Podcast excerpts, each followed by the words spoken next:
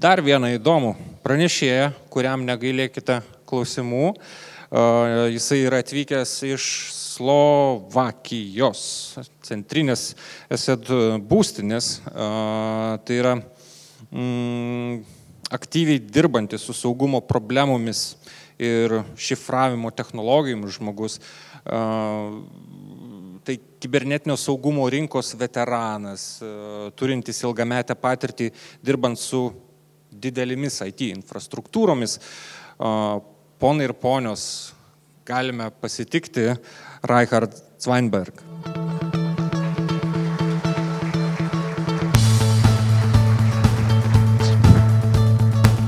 Well, good day everyone. I'm happy to be here in Lithuania. Uh, my name is Righard Zwienenberg. Richard is the easiest version of that. Um, my first time here. I'm happy to be here because I'm actually was able to fit it into the schedule. Uh, next week I'm already in Hong Kong and the week after in Singapore talking at uh, the Interpol conference. This topic, what I'm presenting here, is something different than Interpol and forensics. It's idiot or the ID of IoT.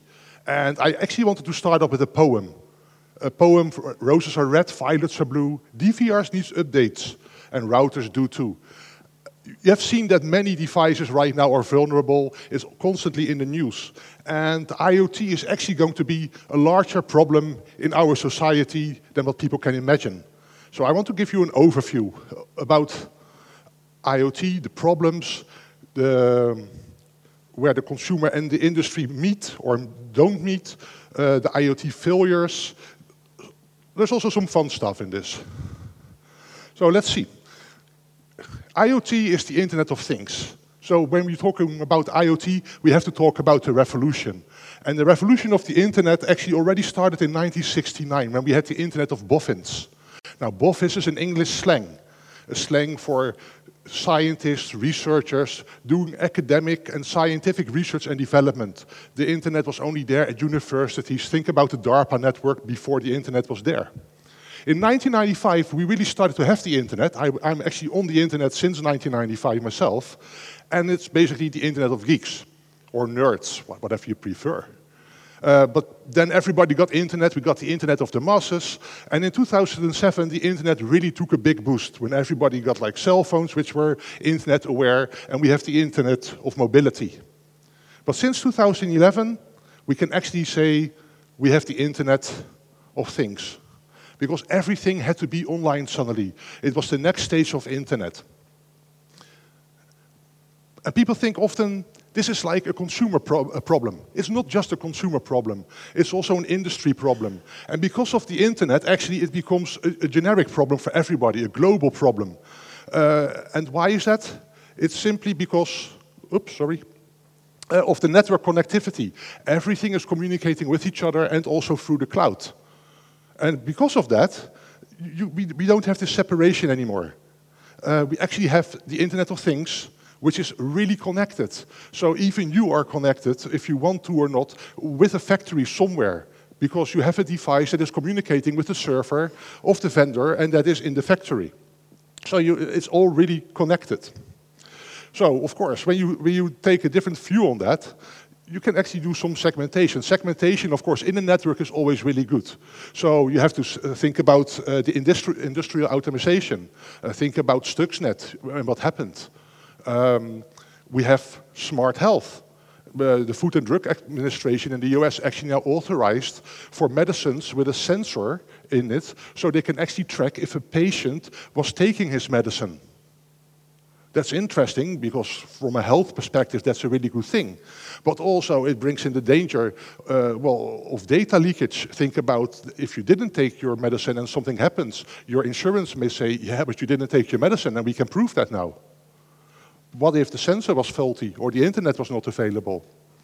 Um, there is even like now uh, in some, uh, actually a little bit of a funny story, uh, an app for a vibrator recording the favorite moves for a lady who has sexual problems.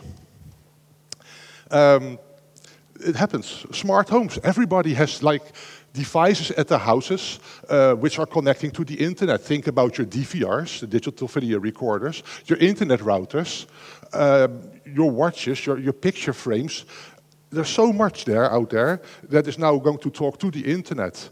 Uh, in ESET headquarters, where I work for, actually we are actually building a smart home and constantly looking at all the different uh, appliances there and really research them. Uh, and we have the smart city. Well, the smart city is rather convenient. At least you don't have to look anymore for where is a parking spot because you can actually see it on an app. There are some cities that have already sensors in, in the, the, uh, the roads and it will actually tell you where do we have a parking spot available. It, it is convenient, but again, it's all open on the internet. And if you think about connectivity in your house, everybody thinks it's all something from like which is new. It actually started in the late 70s already. Uh, Pico Electronics uh, made a little box which actually controlled every electronic appliance in your household. And actually, they were that successful, uh, they called it the X10, that the protocol for that kind of communication is now called the X10.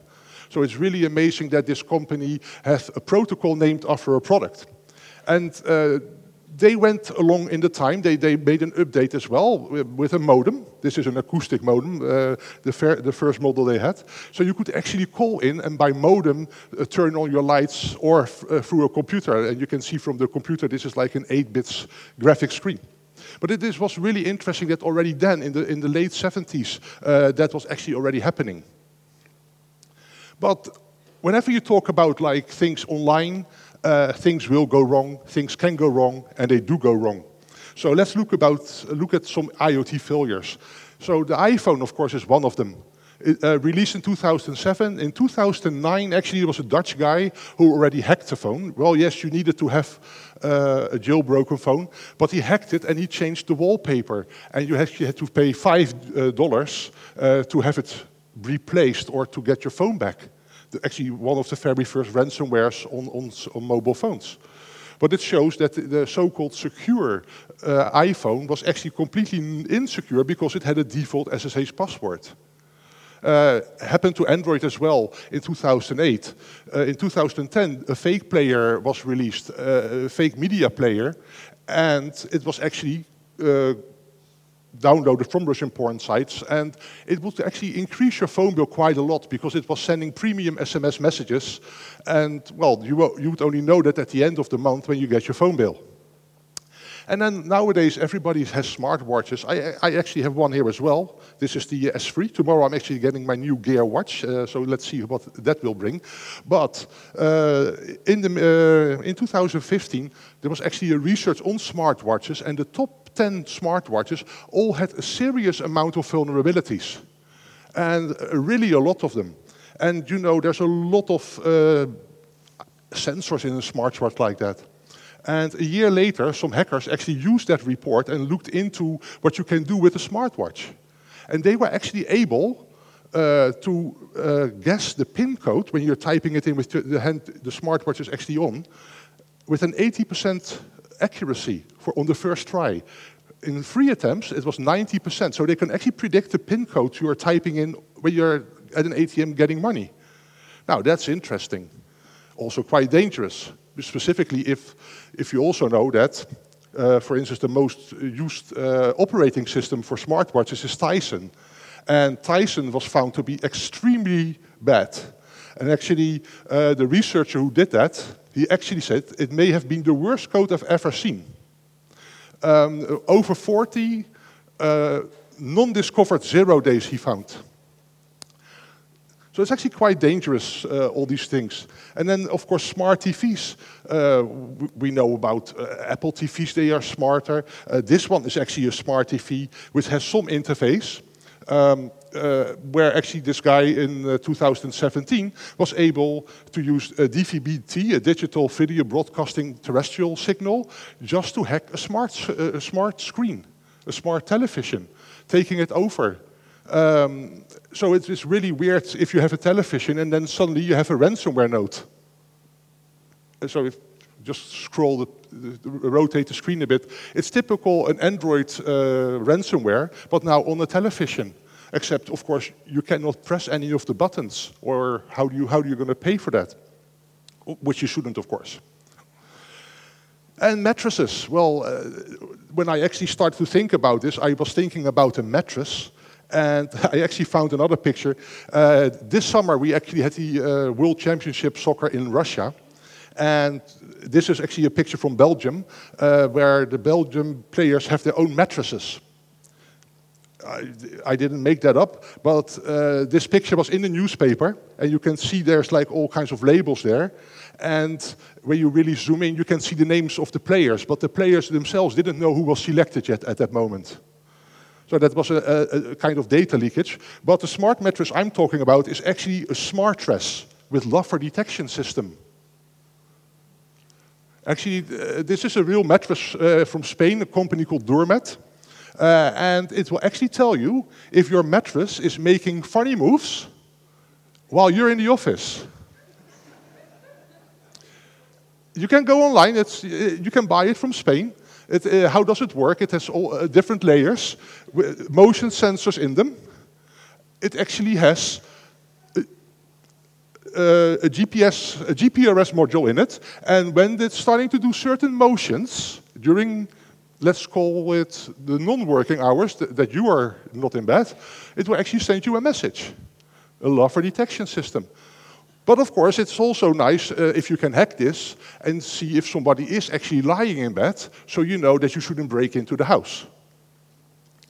Uh, stupid things like smart hairbrushes. How many strokes did you do? Why would you have that and why would you send that to the internet? Smart forks. They, they tell you, you if you, you eat slowly, you lose weight, you feel great. Well, the only one who's feeling great is the guy selling this. I'm not going to eat anything less than because of a fork. But still, it is sending information on how much you have eaten and how long it took uh, to the internet. Sometimes it's misused. The Consumer Electronics Show in Las Vegas is one of the largest ones, and everybody needs to attract the people to the booths. So we actually found this advertisement from Griffin Technologies, a smart toaster, which you can control by your app on, on your phone. Like, yeah, but how do I get the toast in, in it with the app? That's a bit difficult because you still have to be, go physically to the machine to put the toast in. Well, this was all a joke because this was just a teaser for the people to come to their booth. Because uh, like the week after the show ended and you went to the same web page, the product didn't exist anymore. Uh, we have smart toys, and this is actually uh, interesting because uh, these two, uh, actually in Germany, they are now banned. They could actually leak information. The German government said these are really illegal or really dangerous, and they actually suggested that people were destroying the dolls. They should destroy the dolls. And actually, you can see it here at the bottom, at the bottom line. The ownership of this device is illegal. So they actually had a law, have a law now that in Germany it's illegal to contain a doll like this. I think that's a good movement that things are prohibited, but the problem is it's not a unified law. I'm from the Netherlands living next to Germany, so I can buy one in the Netherlands, and when I drive it into Germany, I'm suddenly an offender. So it's a bit of a problem. Um, a similar uh, thing in the United States, two connected toys, uh, uh, Cayla and the IQ intelligent robot. Uh, somebody filed a complaint with the FTC. Well, we know that uh, the United States is not the most precise one when it comes to personal privacy. So for the FTC actually to take this into consideration, you have to be really bad. Uh, it was actually able to record conversations uh, with, uh, without parental control and send it to people. Um, or, uh, it's it getting more bizarre, these are internet-aware teddy bears. Uh, the problem is only that the vendor had a data breach and 2 million parents and kids' messages and recordings and credentials were leaked. Um, one of the researchers who found that actually was able uh, to, to change one of the uh, teddy bears and put some ransom note on it. So you had to pay them to unlock the teddy bear. Um, so I already mentioned that the FDA allowed uh, like the pill the with a sensor in it, but there's more the problem is that some of the equipment can be hacked. Imagine you're in a hospital and you need drugs uh, through IV, um, and that is controlled by Wi-Fi or by a signal. You, you would think you are safe being in the hospital, right? Being on drugs and ill, and suddenly somebody is like boosting the amount of, um, well, actually that wouldn't be bad, more morphine, but uh, still, it could be quite dangerous. Yes, I would like that. Um, Same with software for the, the, the, pacemakers. The pacemaker should save your life, should keep your heart beating, and not really uh, turn it into a heart attack. Uh, there was like a big breach uh, on pacemakers, and they had to update the firmware for that. So, these are just a, a few of the funny things. There's actually a, a big uh, website on SafeGadget. A, a, subsection of that website is about hacked Internet of Things. And there are really interesting things uh, on it. Uh, I, I, have a few uh, in this presentation. Uh, you, you, uh, the presentation will be shared, so you can get the URL from there. But iKettles, it's really nice that you, that you can control the iKettle by app, so you can already start to boil the water. But with a directional antenna, you only have to stand outside and the, the Wi-Fi password is actually broadcasted. And then everybody has access to your uh, internal network at home or in the office. Um, same with this doorbell. This is a $199 doorbell. But it is sending the password of your Wi-Fi network unencrypted over the internet. And you only have to sniff the network packages flying around, and there you have the password. So basically, if you connect that to an open, uh, door opening system, it's not the best thing. Or this, this is one of my favorite. Uh, hackers remotely kill a Jeep on the highway with me in it. That was not me, that was the guy who actually did that. I actually have a little movie about that. There was some sound here. Fun to have your two-ton SUVs. Oh, somebody pressed the button there. Let's start it again. It's not fun to have your two-ton SUV's brakes hacked just as you're parking in front of a ditch. Okay, hold on tight. Hold on. Oh. That's what I've learned from Charlie Miller and Chris Valasek, a pair of hackers who have spent the last year developing a piece of software that can wirelessly sabotage this 2014 Jeep Cherokee. And if you think uh, that is all they did, they did much more. On YouTube, there's a, a, a, nice documentary about what Charlie Miller did with the car, and I actually would uh, encourage you to watch that.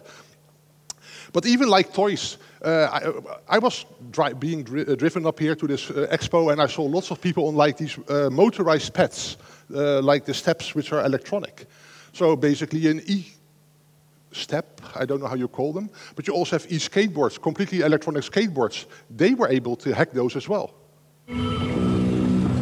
It turns out those driving. electric skateboards could be even more dangerous than they look. Hackers have found a way to and if you see, all the guy has his uh, laptop and a G, uh, GPRS module to it, and he took over the signal from the e-skateboard. So it's all kind of dangerous. Uh, we had planes being hacked this year, uh, sorry, 2016, a Boeing 757 was hacked.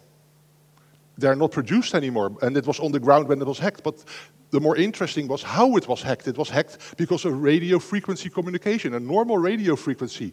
If you know that it always has been possible to send those communications, those planes could actually be hacked when they were in the air. Now, that makes me think that if you have like a new plane, like an Airbus 380, is that, is that possible too? Well, maybe it is. Because uh, in April from this year, I was actually traveling back from RSA conference in Las Vegas, and my phone uh, was almost without battery. So I went to my seat, and there's a USB port, and I actually connected my phone to the USB port to charge it. So what did I see on my screen at that moment? Hey, my, this was really nice all kinds of information, Seat 53K.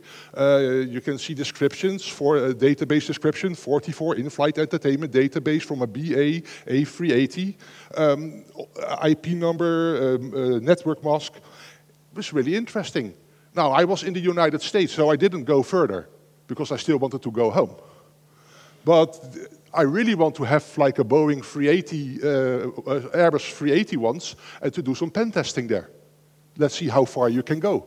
Because most likely this is connected to the in-flight entertainment system, the audio video on demand system, and also the, the way the, the, chairs are controlled. These are electronic chairs. So can you hack them? Uh, we are actually talking to Airbus about this right now. Um, there's a lot of IoT things that are being hacked, and uh, DEF CON actually has added it uh, into the IoT village. Every year now they're trying to break a lot of IoT devices. Uh, this year at Black Hat, 100, uh, at DEF CON, sorry, 113 devices uh, were hacked and, and uh, exposed to the internet. So in how big is that problem? Is it a real danger? Well, in 2011, uh, the GSMA uh, did some research. At that time, there were 6 billion devices connected to the internet, and they actually predicted that in 2020, 24 billion devices would be uh, connected. Uh, and they, they made some calculations on how much money would be involved. Well, it only took two years for the Amsterdam Internet Exchange to repeat that. And by that time, the numbers were already way different. You can see that in 2013, like the smartphones increased really a lot. Uh, uh, the tablets really took a big boost. Laptops went down. But also interestingly, uh, of course, people started to do electronic banking a lot. And they were predicting that uh, in 2015, Lightning would uh, be connected to the internet and also the thermostats, which is true because that really happened. I even have like a thermostat connected to the internet myself, although I have it behind the firewall and my energy company is not able to read it. Um, so what they also found out uh, during 2008, the number of things connected to the internet were actually exceeding the number of people on Earth already. That, that by 2020, by now, they predict a, a 50 billion number of devices connected to the internet. That's already more than doubled from two, uh, the prediction from two years ago. Yeah, so what, what can you do to protect yourself against that? Because it's not only at home and at SMBs and at enterprises, it, everything has to be protected. Uh, well, the European uh, Commission started to deal with that, and they have the Alliance for the IoT, uh, the uh, Alliance for the Internet of Things Innovation Center. Uh, it's EU funded, which means it's really slow. Uh, but it's to make a better ecosystem in Europe, and that is one of the problems. It's in Europe. While uh, you're maybe having devices that are coming from China connecting to China, or made in the US connecting to the US. Uh, still, there's lots of good progress there, so I, I uh, encourage you to look at this website. So the critical infrastructure attacks are on the rise. Uh, we have seen that in 2018. Um, everybody has heard about Industroyer, how the energy in the Ukraine went out. Uh, ESET did like a big uh, paper about that, the, the black and gray energy. It doesn't stop there. It, this is actually not only IoT, it's IIoT, the industrial Internet of Things. And Shodan, uh, because of that, uh, once did a scan of the internet for open devices. And this is not regular IoT devices, these are industrial controller systems that are open on the internet. And you, can see that actually it's mainly a problem in the US and in Europe. Uh, and the reason they did this, this, this was in 2014, because in 2012 they did a similar uh, test, and these were all the uh, IC uh, industrial control systems in the United States that were open on the internet. And you would think that it would have been improved after that publication, but you can see from the 2014 map, it really didn't improve. And that is scary because that means that a lot of things that are controlling our critical infrastructure are actually completely open on the internet. Um, the same could happen in your house. Well, uh, do you really know which kind of devices you have online uh, in your house? Because, hey, I, have a 13-year-old kid running at, ho at home. He's bringing in new gadgets all the time, and they are connected to the internet, and I don't even know them. Well, uh, luckily, we have like, uh, in this case, it's from ESET, uh, the connected home monitor, but there are many different products that can actually scan your network and identify all the different appliances on your local network. I actually uh, think that this should happen not only locally, but actually in companies as well, and that everybody knows exactly what kind of device is running on the system. But, uh, sorry, on the network. But even then, the beginning of this year, Spectre and Meltdown, I don't have to explain it. They have to be, they were really in the news and they were able, uh, like CPU problems, architectural problems, being able to take over your system, stealing credentials, stealing passwords, even certificates. Um, well, the problem is Intel is big and they can maybe fix it. But how about the, the, the cheap appliances where the, the, where's a mini CPU which is soldered on the board? Are you going to desolder them and replace them all? That is going to be quite difficult. Uh, of course, Microsoft is helping there as well. They have updates because Intel has updated the microcode and then Microsoft is updating uh, the drivers. Interestingly, but that also failed because that same update was actually putting two CPUs into an infinite, uh, infinite auto repair loop, bricking that system. So even though you, you have a cooperation between like a major hardware vendor like Intel and a major software vendor like Microsoft, it doesn't mean that all the problems are fixed. And some of them will never be fixed, and, uh, and the IoT problem will not be fixed because consumers are not going to throw away their hardware because it may have a faulty chip. They will keep using it as long as the, the, the lifespan of, uh, of a device like that. So that is why we actually really need the role of the government. Uh, and luckily that already starts. Um, sometimes in a good way, sometimes in a bad way. We already saw Germany. Uh, we are now having like 4G telecom networks. 5G is coming. Uh, in Australia, the government of Australia actually has prohibited non-domestic uh, suppliers to, to deliver the equipment, which is usually done by Huawei and um, ZTE from China they are not allowed to deliver the devices anymore. Of course, they are upset. I think everybody knows why, because there's a lot of money involved. But it's, it's continuing, because even the late John McCain, who just passed away recently, uh, has a bill uh, for the fiscal next year where the military actually uh, cannot use equipment from China anymore. So it's, it's continuing, continuing. And the role of the government is, is interesting. Oh, this is actually something, I, it's in Dutch, but uh, because of the, uh, um, the, the, government in the Netherlands, we have net neutrality. Uh, a, co a, company in the northern parts of the Netherlands is using a foreign uh, telecom provider online, so a voice over IP, and in one weekend they spent 450,000 euros calling to different countries like Pakistan and India uh, in 48 hours because their system was on the internet and a botnet got into their system and their local PBX calling to the voice over IP from the telephone company in the different country was being hacked because of the botnet and they started to call. $450,000 uh, euro uh, telephone bill. So the role of the government should really be there in governance. Um, taking completely care of privacy. Privacy should always be there, but there, have to, there has to be some governance on how things are designed, how things are defended against attacks. And if the government is not going to do that, there's going to be a problem.